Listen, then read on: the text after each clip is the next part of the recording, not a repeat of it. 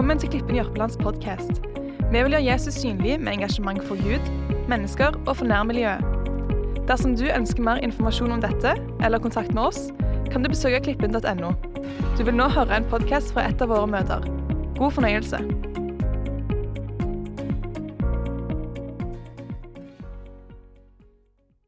I dag så vil jeg gjennom en bibelfortelling jeg er veldig glad i, forsøke å få frem noe av det som jeg er mest begeistra for av alt. Nå snakker vi om å plukke fra øverste hylle og trumfe nybakte skoleboller. Mm. Sommerferie i Kombicamp og Pepsi Max med isbeder etter at ungene har lagt seg. Så med de ordene så er lista lagt. og Jeg håper at du vil være med oss disse få minuttene. Men først vil jeg be litt. Kjære far, jeg ber om at du skal bare velsigne dette budskapet. Velsign hver en lytter som sitter rundt omkring i de forskjellige heimene. Og la oss få tak på ditt hjerte som ligger bak denne bibelfortellingen i Jesu navn. Amen. Vi skal i dag fokusere på det som skjedde morgentimene langfredag i påsken. Når Jesus får den urettferdige dødsdommen. Men midt i denne fortellingen så vier alle evangeliene eh, tid til å fortelle om en fyr med navn Barabas. Vi vet ikke så mye om han, annet enn at han var en brukt av fanger som hadde ledet et opprør, og han var også ansvarlig for et mord. Jødene de ville få Jesus dømt og ba romerne å gjøre arbeidet. Men Herodes fant ingen feil hos han, så han ble sendt videre til Pontius Pilatus. Romerne hadde en skikk om å slippe en fange fri i påsken. Og Det var trolig en skikk som romerne hadde funnet på for å vinne innpass hos jødene. Et politisk trekk for å lette den nasjonale uroen som fant sted. Folket ville få Jesus dømt, men heller ikke Pilatus fant noen feil hos Jesus. Pilatus han aner at yppersteprestene er misunnelige på Jesus og han er ærlig om at han ikke syns at Jesus fortjener en korsfestelse. Så presenterer Pilatus et absurd valg for folkemengden. Dere skal i tradisjon tro få én fange fri. Velger dere Jesus, eller velger dere Barabas? What? Valget å måtte korsfeste Guds sønn versus denne berykta fangen en kjeltring og en morder. Jesus han var en rettferdig fange, mens Barabas han fortjente dom. Han var en rebell mot Rom, og han drepte folk. Han var en dårlig mann, en kjeltring og et problem for samfunnet. Han fortjente kjettingene og fangenskapet. Men Jesus, hva hadde han gjort?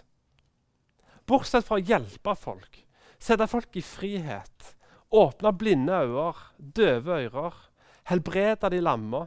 Helbrede de spedalske, som ingen, som ingen andre vågte å gå bort til. Han bygde opp de som var nederst i samfunnet. Jesus løfta opp kvinnene i ei tid med undertrykkelse. Jesus lærte disiplene å elske mennesker. Elske seg sjøl og elske Gud. Hva galt hadde Jesus gjort? Hvem vil dere ha? roper Pilates ut til mengden. Folkemengden svarer, 'Vi vil ha Barabas!' Ja, gi oss Barabas! What? Jeg tror Pilatus er overraska, og at han egentlig tenkte et annet utfall.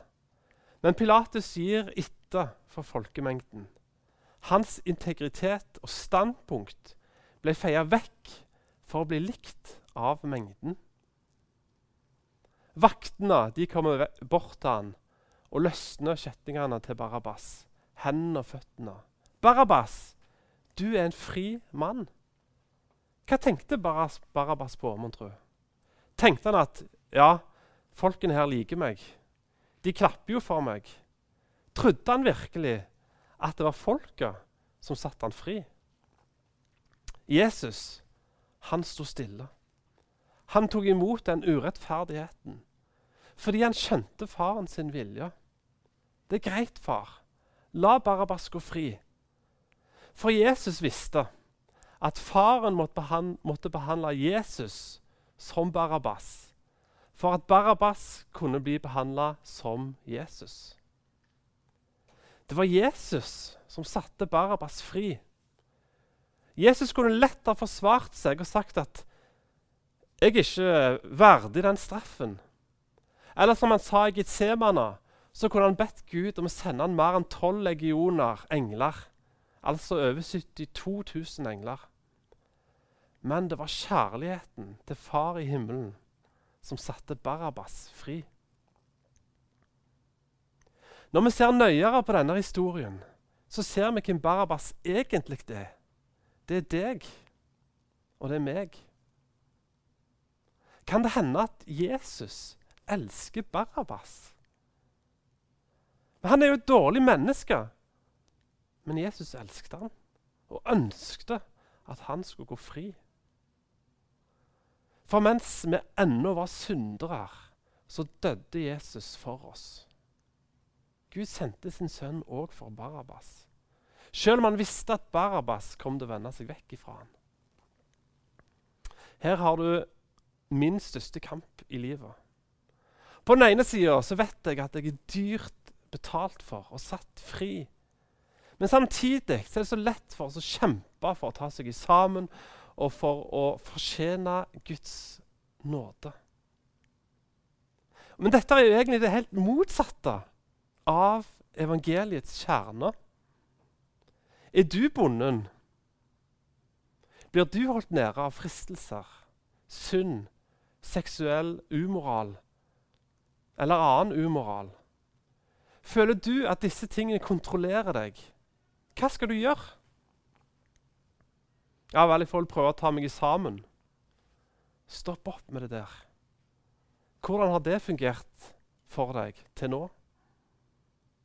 Det kommer ikke til å gå. For du er ingen match mot helvetes krefter i deg sjøl. Du kommer ikke til å overkomme det. Der er ingen løsning i deg eller i meg. Din egen godhet, din egen disiplin, din egen hengivenhet vil ikke redde deg. Det er bare én som kan gjøre dette, og det er han som tok din plass. Det er han som sto stille på plattformen og sa, 'Ja, la Barabbas gå fri. Ta meg i stedet.' Hvor mange ganger har ikke du og jeg stått på denne samme plattformen mellom Pilatus og Jesus? Hvor du og jeg er Barabbas. Og så kommer noen bort til oss og tar av kjettingene, så vi blir fri til å gå. Ja, men jeg fortjener fangenskap. Jeg fortjener ulykker. Jeg fortjener straff. Jeg fortjener skam. Jeg fortjener konsekvensene. Jeg fortjener det. Men så sier Jesus, nei, la meg ta straffa. La meg ta din synd. La meg ta din smerte. Nei, Gud, jeg gjorde jo dette mot meg sjøl. Det er jeg som fortjener det.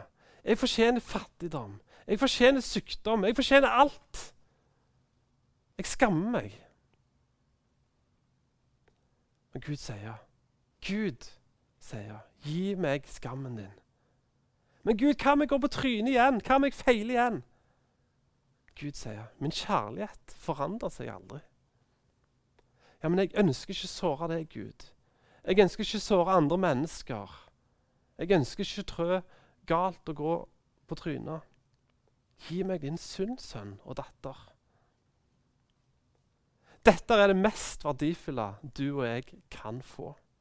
Vi er dyrt kjøpt ved Guds sønns eget blod, som var og som er hellig. Du som har tatt imot Jesus, er ikke nødvendigvis et bedre menneske men du har fått en stedfortreder, en advokat, en forsvarer. En som vokter, beskytter, tilgir, trøster, hjelper, støtter og frelser. Din største utfordring er ikke din disiplin, din hengivenhet eller ditt fokus.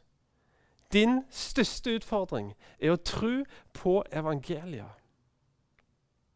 Tro på nådens kraft Tro på nådens helbredelse. Tro på rettferdiggjørelsen. Tro på Guds verk og Guds gaver som gjør at vi er fri. At vi får være og, at, eh, og, og med at vi får lov til å gå sammen med Jesus, så vil livet vårt bli forandra.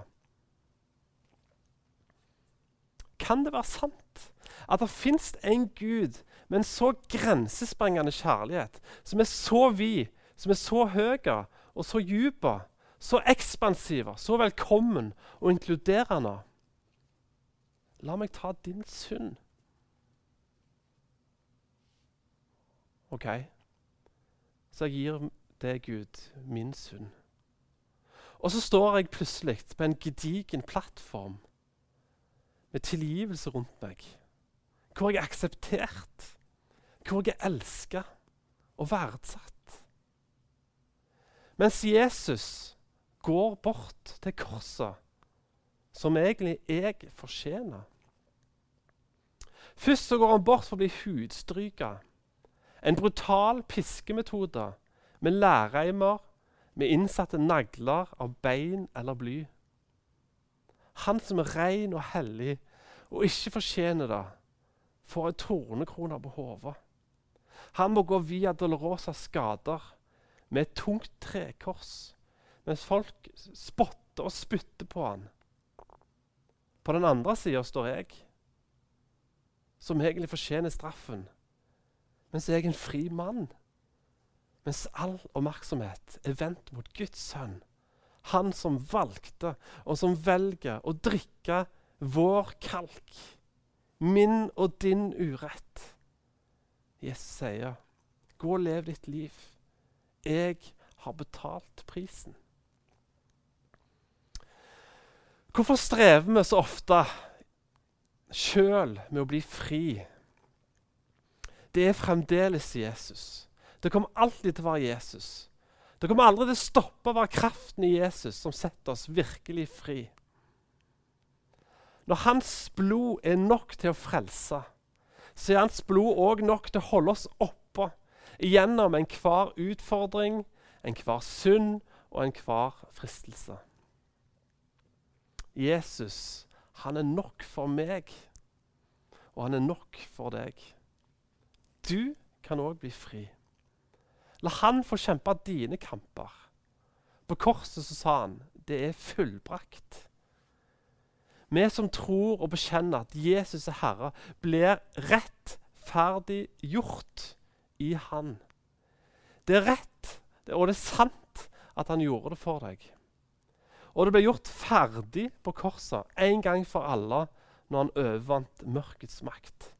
Og det er gjort du trenger ikke måtte gå gjennom de samme lidelsene, den samme kampen. Dette er kjærlighet. Jesu nåde, Jesu kamp og Jesu seier. Dette er større enn noe annet.